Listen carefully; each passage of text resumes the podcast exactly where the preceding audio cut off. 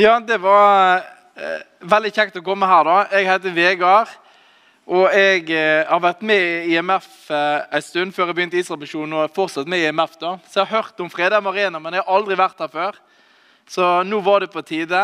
Og godt å, å være her. Og takk for invitasjonen. Så er det godt å få være sammen og lovprise Jesus. Og jeg tenker på det vi nettopp sang òg. Vi er sammen her fordi det er ingen som kan matche han. Han er den største, han er den herligste, og så kjenner vi han. Det er ganske stort. Temaet i dag det er Abraham. Og eh, jeg er litt sånn, eh, jeg gleder meg litt og så er jeg litt nervøs, for jeg, jeg tror kanskje jeg har nerda meg litt i forberedelsen. Men går det greit? Tåler det litt sånn Abraham-nerding? Jeg hadde vært på det før. Men vi skal prøve å, å, snakke om Abraham. Og så tenker jeg at Abraham er jo ikke bare en person som har levd en gang, men han har jo en virkningshistorie helt fram til i dag. Tenk at vi sitter her i Sandnes da, i 2022, og så har vi undervisning og lærer om en mann som levde i Midtøsten for så mange tusen år siden. Det er ganske spesielt. Så Vi skal prøve å se på Abraham og bevege oss også fram mot Paulus eh, sin bruk av Abraham, og litt fram mot i dag og Israels misjon. Det er min plan. Så jeg håper det er greit. Men nå skal jeg si mer om meg sjøl. Jeg vet ikke hva jeg pleide å gjøre her. Det er nok? Ja. Det er ikke så interessant. Du Han sa bare gi det med en gang. Ok, jeg bare gir meg på det. Du, Her eh, er et sånn tidslinje over, eh, over Bibelen, sånn røftlig. da. Der er det Det gamle testamentet øverst, og så er det Det nye testamentet nederst. Og så er det jo en periode imellom der, mellom GT og NT. Og Når vi snakker om Abraham, så er han jo ganske tidlig i bibelhistorien. Vi møter han jo allerede i kapittel 12 i første Mosebok. Og Det er egentlig bare Gud snakker til han. Det er ikke noen grunn for at Gud velger Abraham, utenom at Gud velger han. Gud taler til Abraham og så kaller han han til tjeneste. Så Gud velger Abraham. Ikke fordi han er best, ikke fordi han er størst, men Gud bare gjør et suverent valg. Gud velger Abraham. Det er ikke Abraham som velger Gud, men det er Gud som velger han. altså. Så Det skjer ganske tidlig i bibelhistorien. Og Det første vi hører om Abraham, det er 'dra bort fra landet ditt og fra slekten din og fra farshuset ditt' til det landet som jeg skal vise deg. Jeg vil gjøre det til et stort folk. Jeg vil velsigne deg og gjøre navnet ditt stort. Du skal bli til velsignelse. Jeg vil velsigne dem som velsigner deg. Ved den som forbanner deg, skal jeg forbanne. I deg skal alle slekter på jorden velsignes. Det er det første vi hører om denne Abraham. Gud taler til han, og så gir han denne her tre løfter. Han skal, bli, han skal, få et land. Gud skal vise ham et land. Han skal bli far til et stort folk. Og i han skal alle slekter på jorda velsignes. Det er ganske store løfter. Og så kunne vi lagt opp denne ja, undervisninga her, eller næringen, på, på den måten at vi gikk gjennom hele Bibelen med disse tre løftene. For jeg tror du kan det. Det drar jo bibelhistorien videre. Det første løftet vil Abraham få en sønn. Det er det første spennende spørsmålet vi møter i Bibelen. Vil Abraham få en sønn? Vil det bli et folk ut av den mannen her? For han har jo ingen barn. Og han begynner å bli gammel, og kona hans er altfor gammel til å få barn. Så det er jo det første. Det andre er jo ja, men vil de få et land? For de ender jo fort opp i Egypt, og de er slaver der. Vil de få et land? Og så får de dette landet. Og så er jo spørsmålet klarer de å holde på dette landet. Så der drar det andre spørsmålet. Og så kommer dette tredje løftet tydeligere og tydeligere fram i bibelhistorien. Hvordan har Gud tenkt at alle folk skal velsignes gjennom dette her? Så på mange måter så drar jo disse løftene bibelhistorien framover. Det som skjer i begynnelsen med Abraham, det er med å dra hele bibelhistorien videre. Disse tre løftene. Og så tenker jeg, Hvis vi ser på hele Det gamle testamentet om Abraham, så er Abraham nevnt minst 200 ganger med navn. Det er ganske mange ganger. Eh, tør de å svare på et spørsmål hvis jeg spør? Hvis vi tar vekk Mosebøkene Vet du hvor mange ganger Abraham er nevnt i Det gamle testamentet? da? For her er jo hele Det gamle testamentet. Men hvis vi tar vekk første, andre, tredje, fjerde og femte Mosebok, vet du hvor ofte ordet Abraham eller Abraham kommer da? Vil jeg tippe? 147 er feil. Nå kan vi ha sånn alle mot én. Nei, vet du hva? Det er bare Skal vi se 17. Det er jo nesten ingenting. Er ikke det rart? Eller er det bare jeg som syns det er rart? Altså, Abraham dukker jo opp hele tida i første Mosebok. Fra kapittel 12 så står det jo Abraham fem-seks ganger per side. Det er Abraham, Abraham, Abraham. Og så kommer han litt i andre Mosebok, litt mindre i tredje. Altså Men når du kommer utenfor Mosebøkene, så står det nesten aldri Abraham i Det gamle testamentet lenger. Det vil si, Han kan stå en del indirekte, at det står om fedrene osv. At det henvist til Abraham. Men det er lite Abraham i Det gamle testamentet som ved navn etter Mosebøkene. Og Så har jeg sjekka litt i Det nye testamentet. For det er, masse, det er, jo en del færre bøker i Det nye testamentet enn i Det gamle testamentet. Men når vi kommer til Det nye testamentet, så skjer det altså en sånn oppblomstring av Abraham igjen. da. Abraham står veldig ofte i Det nye testamentet. I Det nye testamentet møter vi Abraham ja, i hver bok nesten, og noen plasser veldig masse. Det hele kapitlet og avsnitt i Det nye testamentet ser via til denne mannen Abraham som vi møter i første Mosebok. Og jeg har tenkt litt, Hvorfor er det sånn? Hva er det som er så spesielt med denne mannen for forfatterne av Det nye testamentet? Hvorfor bruker de så masse plass på Abraham? Så Det har jeg lyst til at vi skal se litt på. Og samtidig i denne perioden her, mellom Det gamle og Det nye testamentet, så ligger det òg eh, litt litteratur og bøker, og det kaller vi gjerne for apokryfene, eller de deuterokanoniske bøkene.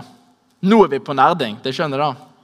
Disse her mellomtestamentlige bøkene eh, Det er ikke sikkert dere har lest dem, men det er jo jødiske bøker som er skrevet mellom Det gamle testamentet og Nye testamentet, men de er ikke en del av Bibelen.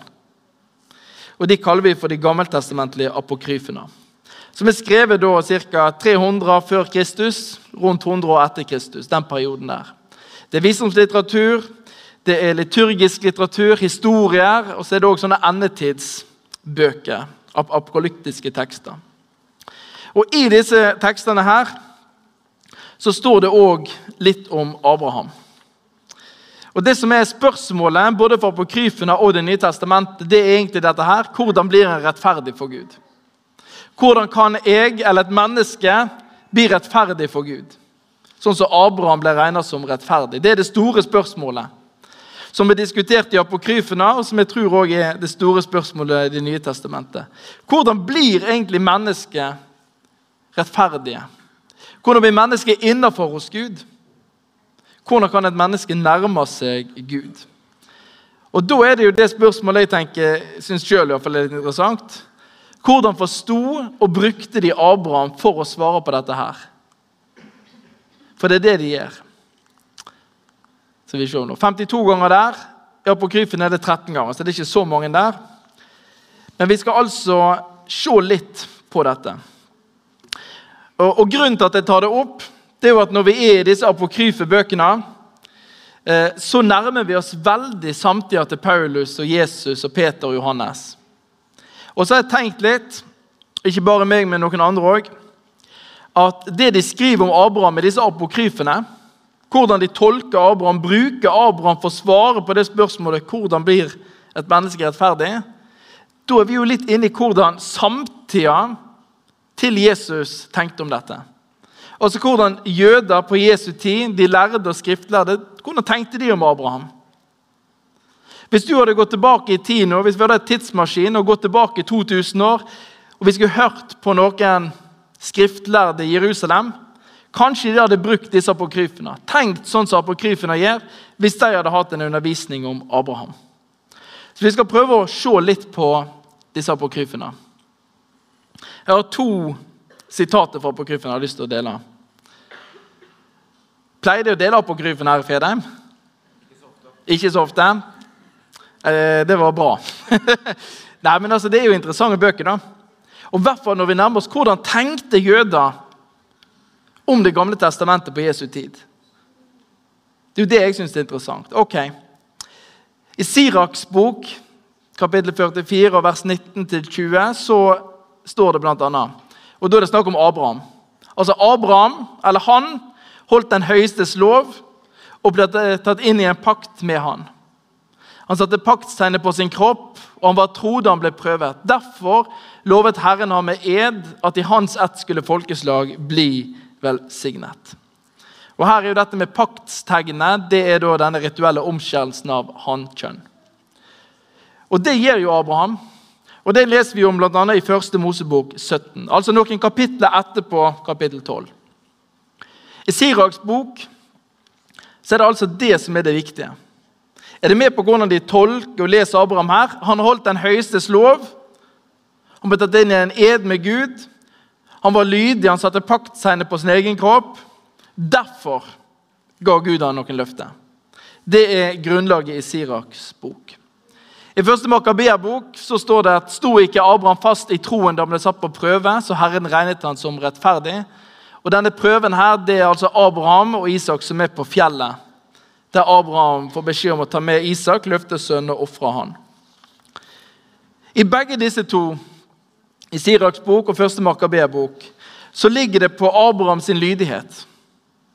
En forstår Abraham som en jøde som har omskjært seg, som har vært lydig mot Gud, og som er tro mot det Gud har. Derfor blir han regnet som rettferdig. Derfor får han løftet. Det er ja, argumentasjonen vi finner gjennom hele, altså alle de apokryfiske skriftene når de snakker om Abraham. Så en bruker altså Abraham, som levde altså ja, noen århundrer eller tusen år før apokryfen har beskrevet, sier han at vi som er jøder, vi blir også regnet som rettferdige når vi er lydige mot Gud. Sånn underviste de. Hvis vi står fast i troen, hvis vi står fast i troen når vi blir satt på prøve, så blir vi regnet som rettferdige. Og Dermed så har de jo tolka Abraham. Men hva skal vi si til dette? Og jeg tror nok at Dette er en av grunnene til at forfatterne i Nye Testamentet skriver så masse om Abraham.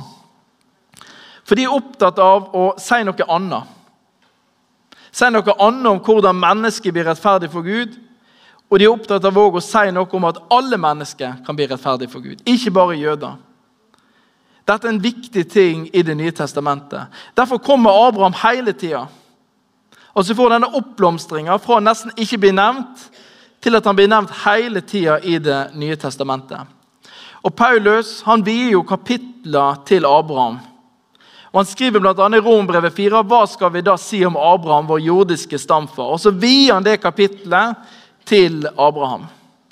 Og Det Paulus gjør, og det Det nye testamentet gjør, det er jo at der apokryfene bruker kapittel 17 og 22 for å forklare Abrahams rettferdighet, så går Paulus litt lenger tilbake og bruker kapittel 12 og 15. Det er egentlig det han gjør. Han sier at vi kan ikke begynne med paktstegnet. Vi kan ikke begynne med Isak og Abraham på fjellet. Vi må begynne før. Hva var det egentlig som skjedde med Abraham, sier Paulus. Og Så går han inn og så diskuterer han. Han diskuterer med jødene sin samtid, for han har lyst til å si noe viktig. Noe viktig om hvordan jøder blir frelst, og noe viktig om hvordan ikke-jøder blir frelst. Hvordan mennesket blir virkelig rettferdig for Gud. Og Dette hadde jo Paulus erfart sjøl. Paulus forteller om seg sjøl at han hadde gått lenger i jødedommen enn noen andre av de han vokste opp med. Han var nidkjær for Gud, og han gikk så langt at han forfulgte kirka. Han reiste til Damaskus for å sette Jesus-troende jøder i fengsel. Og der møter han Jesus.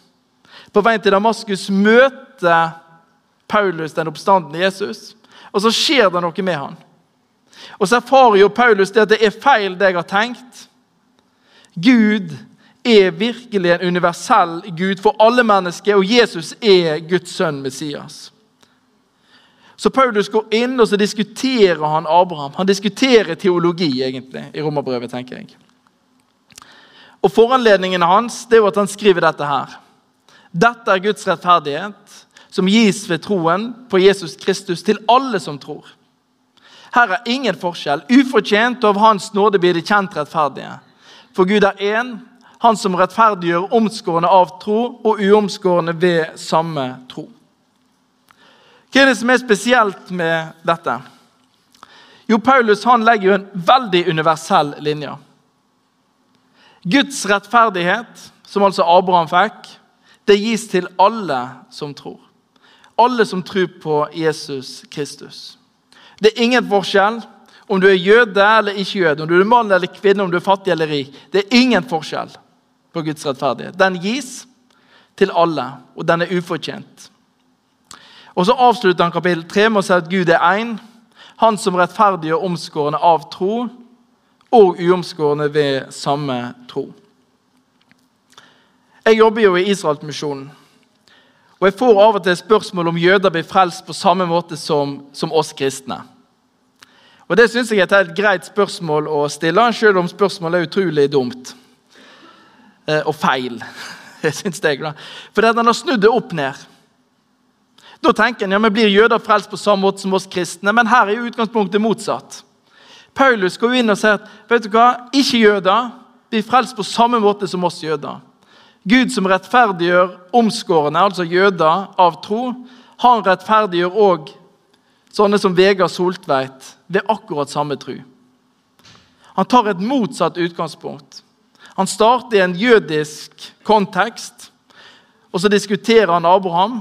Og så ender det opp med å si at derfor er Gud òg for alle. Derfor er det ikke sånn at, Eller det er jo sånn at jøder blir frelst på samme måte som oss. Men egentlig er det rettere å si at vi blir frelst på samme måte som jøder ved trua på Jesus. Sånn leser jeg dette verset. Og Paulus han fortsetter. Hva sier Skriften? Jo, Abraham trodde Gud, og derfor regnet Gud han som rettferdig. Det er det første. Trua til Abraham var det som gjorde han som rettferdig. Og Paulus' sitt argument her er jo at da er det akkurat det samme for oss. Skal en jøde bli frelst, skal en jøde bli rettferdig for Gud, så må han tru. Det er trua alene. Det gjelder ikke omskjærelsen eller hvor lydig du er, eller osv. osv. Nei, det er trua som gjelder. Og Så går Paulus videre og så spør han når skjedde dette med Abraham. Var det før han ble omskåret? Ja, det var det. Abraham ble rettferdig før omskjærelsen. Han ble rettferdig for Gud før han tok med Isak opp på fjellet. Og Hva er poenget til Paulus? da? Jo, Han bruker Abraham og så sier han at da kan løftet stå fast for hele hans ett. Ikke bare for den som har loven, men også for den som har samme tro som Abraham. Han er jo far til oss alle. Her utvider Paulus noe voldsomt. Abraham blir her jødenes jordiske stamfar. Og så sier Paulus samtidig at Abraham er jo far til alle som tror. Om du er jøde eller ikke. En får del i noe. Og Det er jo det òg Gud sier til Abraham. Du skal ikke lenger hete Abraham, som han heter først. Som betyr noe som den opphøyde far, eller noe i den dur. Men du skal kalles Abraham, mange folks far. For jeg gjør deg til far for mange folkeslag. Og så er det det Paulus går inn og sier noe om. Abraham som far. Det er jo det hans rolle først og fremst er i Bibelen når han blir sitert. Stamfar, fedrene. Han er far. Han er utgangspunktet. Og Så sier Paulus at han er ikke bare utgangspunktet for Israel og det jødiske folk. Han er utgangspunktet for alle som tror. Og jeg tenker at Da møter vi noe som handler om rota vår og røttene våre. Nå har jeg lyst til å fortelle litt andre ting. Nå, jeg, det kan være jeg syns dette var kjempekjedelig, men jeg synes det er gøy å nerde meg litt. og så håper jeg det får noe ut av det. Men hva betyr dette for oss? Jo, det betyr for det første at vi har noen røtter i troa vår. Det som går her i Fredheim Arena, og alle kristne. Vi har noen røtter som stikker djupt i troslivet vårt. Ikke bare inn til Fredheim Arena, ikke bare inn til IMF, som har dette huset. Men vi har noen røtter som stikker dypere enn det. Inn i Bibelen, inn i Det nye testamentet og inn i Det gamle testamentet, og helt tilbake til Abraham. For noen år siden så var jeg og talte på et møte oppe på Godøya. Eh, da hadde jeg et litt annet tema som ikke var så nerdete, tror jeg, så folk var litt mer med. Men der så jeg en. Han var skikkelig med. Han fulgte med på alt jeg sa, og etter møtet så prata jeg med han. Og da skjønte jeg at han eh, eh, Det var ikke nødvendigvis meg han var så begeistra for, men det var Jesus. da. For noen år siden, 20 år siden, sa han, så hadde han vært på Evangeliesenteret, og der hadde han møtt Jesus. Han var narkoman, han har vært før. Han var langt nede i alt det, og så hadde han møtt Jesus og blitt fri fra alt. Og så når jeg snakket med han, så fikk jeg bare en sånn djup forståelse av at han hadde ikke bare fått et nytt liv når han møtte Jesus på evangeliesenteret, men han hadde også fått en ny fortid, og han hadde fått en ny framtid. Alt var nytt. Han tilhørte nå et helt annet folk, en helt ny familie, pga. Jesus. Fortida var ny, nåtida var ny, og framtida var helt ny. Alt var nytt. Og jeg tenker Det er det Paulus også skriver om i Romerbrevet 11. At vi er blitt poda inn i noe. Han skriver at du som er en vill oljekvist, er blitt podet inn blant greiner og fått sevje fra roten sammen med dem poda inn i noe som eksisterte før oss. Som kirke, som kristne, som mennesker som tror på evangeliet. Så vi poder inn i noe, og vi har fått del i noe som er større enn oss sjøl. Og jeg tror vi har glemt det litt med 1000 år i Norge med kristendom. At utgangspunktet til trua vår er faktisk ikke Norge. Røttene våre stikker ikke bare inn i en norsk kontekst, men de stikker inn i en jødisk kontekst. Vi har røtter som går inn i Det gamle testamentet, helt tilbake til Abraham. Vi har fått en ny fortid. Derfor er det sånn at Vår kongerekke er jo selvfølgelig med Harald Hårfagre, og alt det her, men det er òg tilbake til David. Salomo. Bibelen er blitt vår bok. Abraham er blitt vår far. For meg er det ganske stort. Det skjedde en utvidelse, en inkludering, som Paulus snakker om. Og han knytter det inn til Abraham. Paulus sier på en måte det at det vi gjør nå, at vi går ut og forkynner evangeliet for folkeslagene, det er ikke noe nytt vi har kommet på, men det er noe Gud har planlagt helt fra begynnelsen av. Han som sa til Abraham i deg skal alle folkeslag velsignes. Og han som ga Abraham navnet Abraham, far til mange folk. Og så står vi her i dag, da. Tusenvis av år etter Abraham. Og så tilhører vi han. Så tilhører vi Gud, og så er vi rettferdige for Gud. Israelsmisjonen handler jo om evangeliet tilbake til jødene.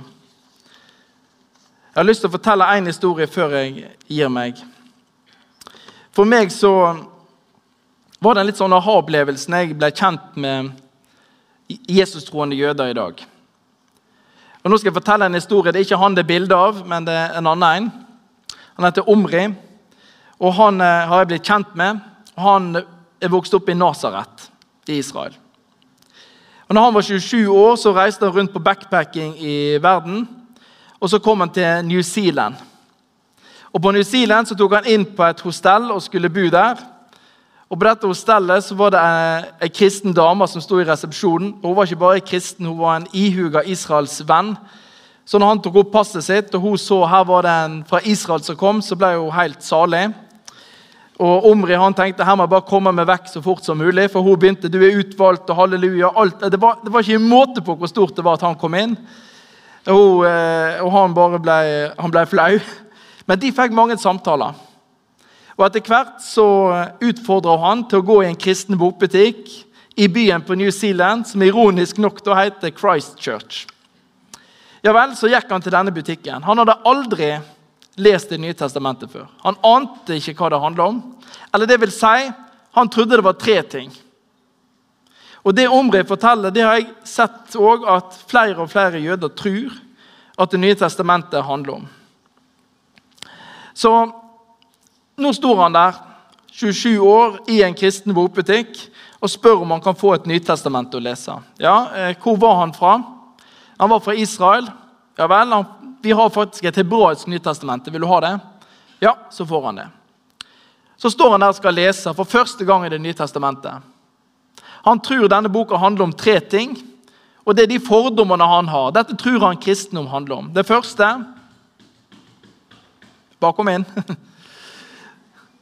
Det, nå er det Jesus som kommer igjen. Det første han tror Det var stille hvis han banker på. Passer det nå? Nei, altså Det første Omri trodde Og dette er ikke bare Omri som tror, det er mange som tror det.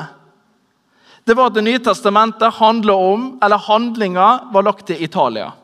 For han visste det at kristendom det var en vestlig religion. Og mange kristne hadde Roma som hovedby.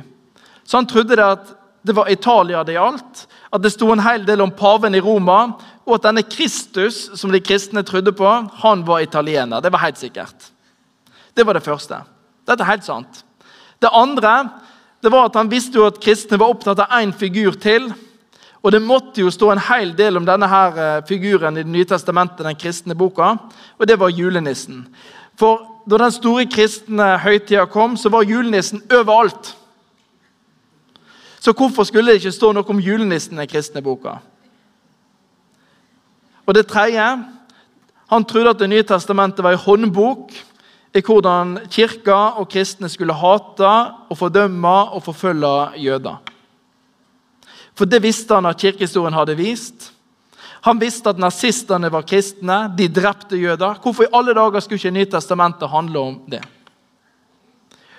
Kirka som har kalt jøder gjennom århundrer for Kristus-mordere, hatt forferdelig kirkekunst og uttalelser mot jøder. Ja, For å si det rett ut, Kirka har gjort alt annet enn å ønske jøder velkommen. Så disse tre tingene trodde han. At det handler om Italia, det var noe om julenissen og hat av jøder. Og Så står han der i New Zealand og så åpner Det nye testamentet. Vet du hvordan det begynner, forresten? For Han begynner på side 1. Dette er ettertavla til Jesus Messias, sto det i hans bibel. Han fikk han på hebraisk. Davids sønn, Abrahams sønn. Allerede der i Det nye testamentet blir denne linja trukket helt tilbake til Abraham. Og Så står Omri der i denne bokbutikken og skjønner ingenting. Og Så sier han du, eh, jeg har fått feil bok. Dette er en jødisk bok. Jeg skal ha Nytestamentet. Nei, det er riktig, dette her. Ja, men så leser han videre, og der står alle de jødiske kongene nedover på første sida i Det nye testamentet. Og så leser han og leser han, han skjønner ingenting, for det står masse om Abraham, det står om David. Det er sitatene fra Det gamle testamentet. Og vet du hvor Jesus vokste opp? I den byen han kommer fra. Nasaret. Omri ble helt sjokkert. Og så spør han hvorfor har ingen fortalt meg dette før. Han var helt sikker på at kristendom og Det nye testamentet handler om noe helt annet. Ikke at det var noe med hans Gud, hans land, hans folk å gjøre. Omri er en New og han gir livet sitt til Jesus. selvfølgelig. Han ser at dette er jo min Messias. Den kristne guden er Israels Messias og verdens redningsmann. Hvorfor vil jeg fortelle dette vitnesbyrdet? Jo, det vi har snakket om og, og sett på her med Abraham som far, og disse lange linjene med hvordan Paulus underviser om dette, det har faktisk noe å bety. Vi har levd i ei kirke i århundrer som har tenkt at vi er helt avskåret. At vi ikke har disse røttene nedover til Abraham, og hva det betyr for oss. En har ikke tenkt noe på det. Sånn, ja vel, det er fint, det. Eh, men dette har noe å bety. Og I møte med de jødiske folk så har vi altså skapt en mur, vi har skapt et skille. Så mange tror og tenker at kristendom det har ingenting med meg å gjøre. Jeg syns det er utrolig spennende å være i Israelsmisjonen. I en tid der stadig flere jøder ser det at Jesus er faktisk deres Messias. Dette vokser globalt i dag. Nå har vi nettopp gjort en undersøkelse i Israel, ganske grundig en, brukt flere år på den. Og Der har vi slått fast vitenskapelig at det er faktisk fire ganger flere jøder i Israel som tror på Jesus i dag, enn det var bare for 20 år siden. Tenk om det var sånn i Sandnes da, for 20 år siden at det var fire ganger flere kristne her. Det er situasjonen i Israel. Det er noe som skjer, det er noe som vokser. Og Samtidig er vi opptatt av at kristne skal se disse røttene og være med å ta ansvar for det vi har fått del av. Vi tror jo på Abraham, Isak og Jakobs Gud. Vi tror på Israels Gud. Ikke på den norske Gud, men vi tror på Han. Og Dette er jo det store budskapet i Det nye testamentet, at Abraham er faktisk ikke bare far til det jødiske folk, men han er far til alle folk. Han er troens far. Og så kommer vi ikke inn og erstatter det jødiske folk, men det skjer denne utvidelsen. Det skjer en inkludering. Og så er det noe med den ydmykheten at vi får del i noe som eksisterte før oss. Det vi har fått del i, er ikke vårt, men det er ufortjent, og det er av nåde. At vi har Bibelen, at vi har fått kommet til tru på dette. Og da ligger det meg på hjertet. Skylder ikke vi da å gå med evangeliet, gå med budskap om Han som er Israels Messias, tilbake igjen til Israel? Vi som har fått del, vi som på en måte er adoptivbarn inn i dette til Abraham. Skulle ikke vi vært fullt av takknemlighet og fullt med et engasjement med at det folket som omrir så mange andre tilhører, får høre evangeliet om sin Messias? Det jobber vi med Israelsmisjonen, og det er du òg velkommen til å være med på. Nå har vi en liten stand bak her etterpå. Hvis du har lyst til å bli med i dette arbeidet, lære lære mer om det, og be og gi til ja, Norges misjon i møte med det jødiske folk, så er du hjertelig velkommen til det. Det var en liten runde om Abraham fra min side.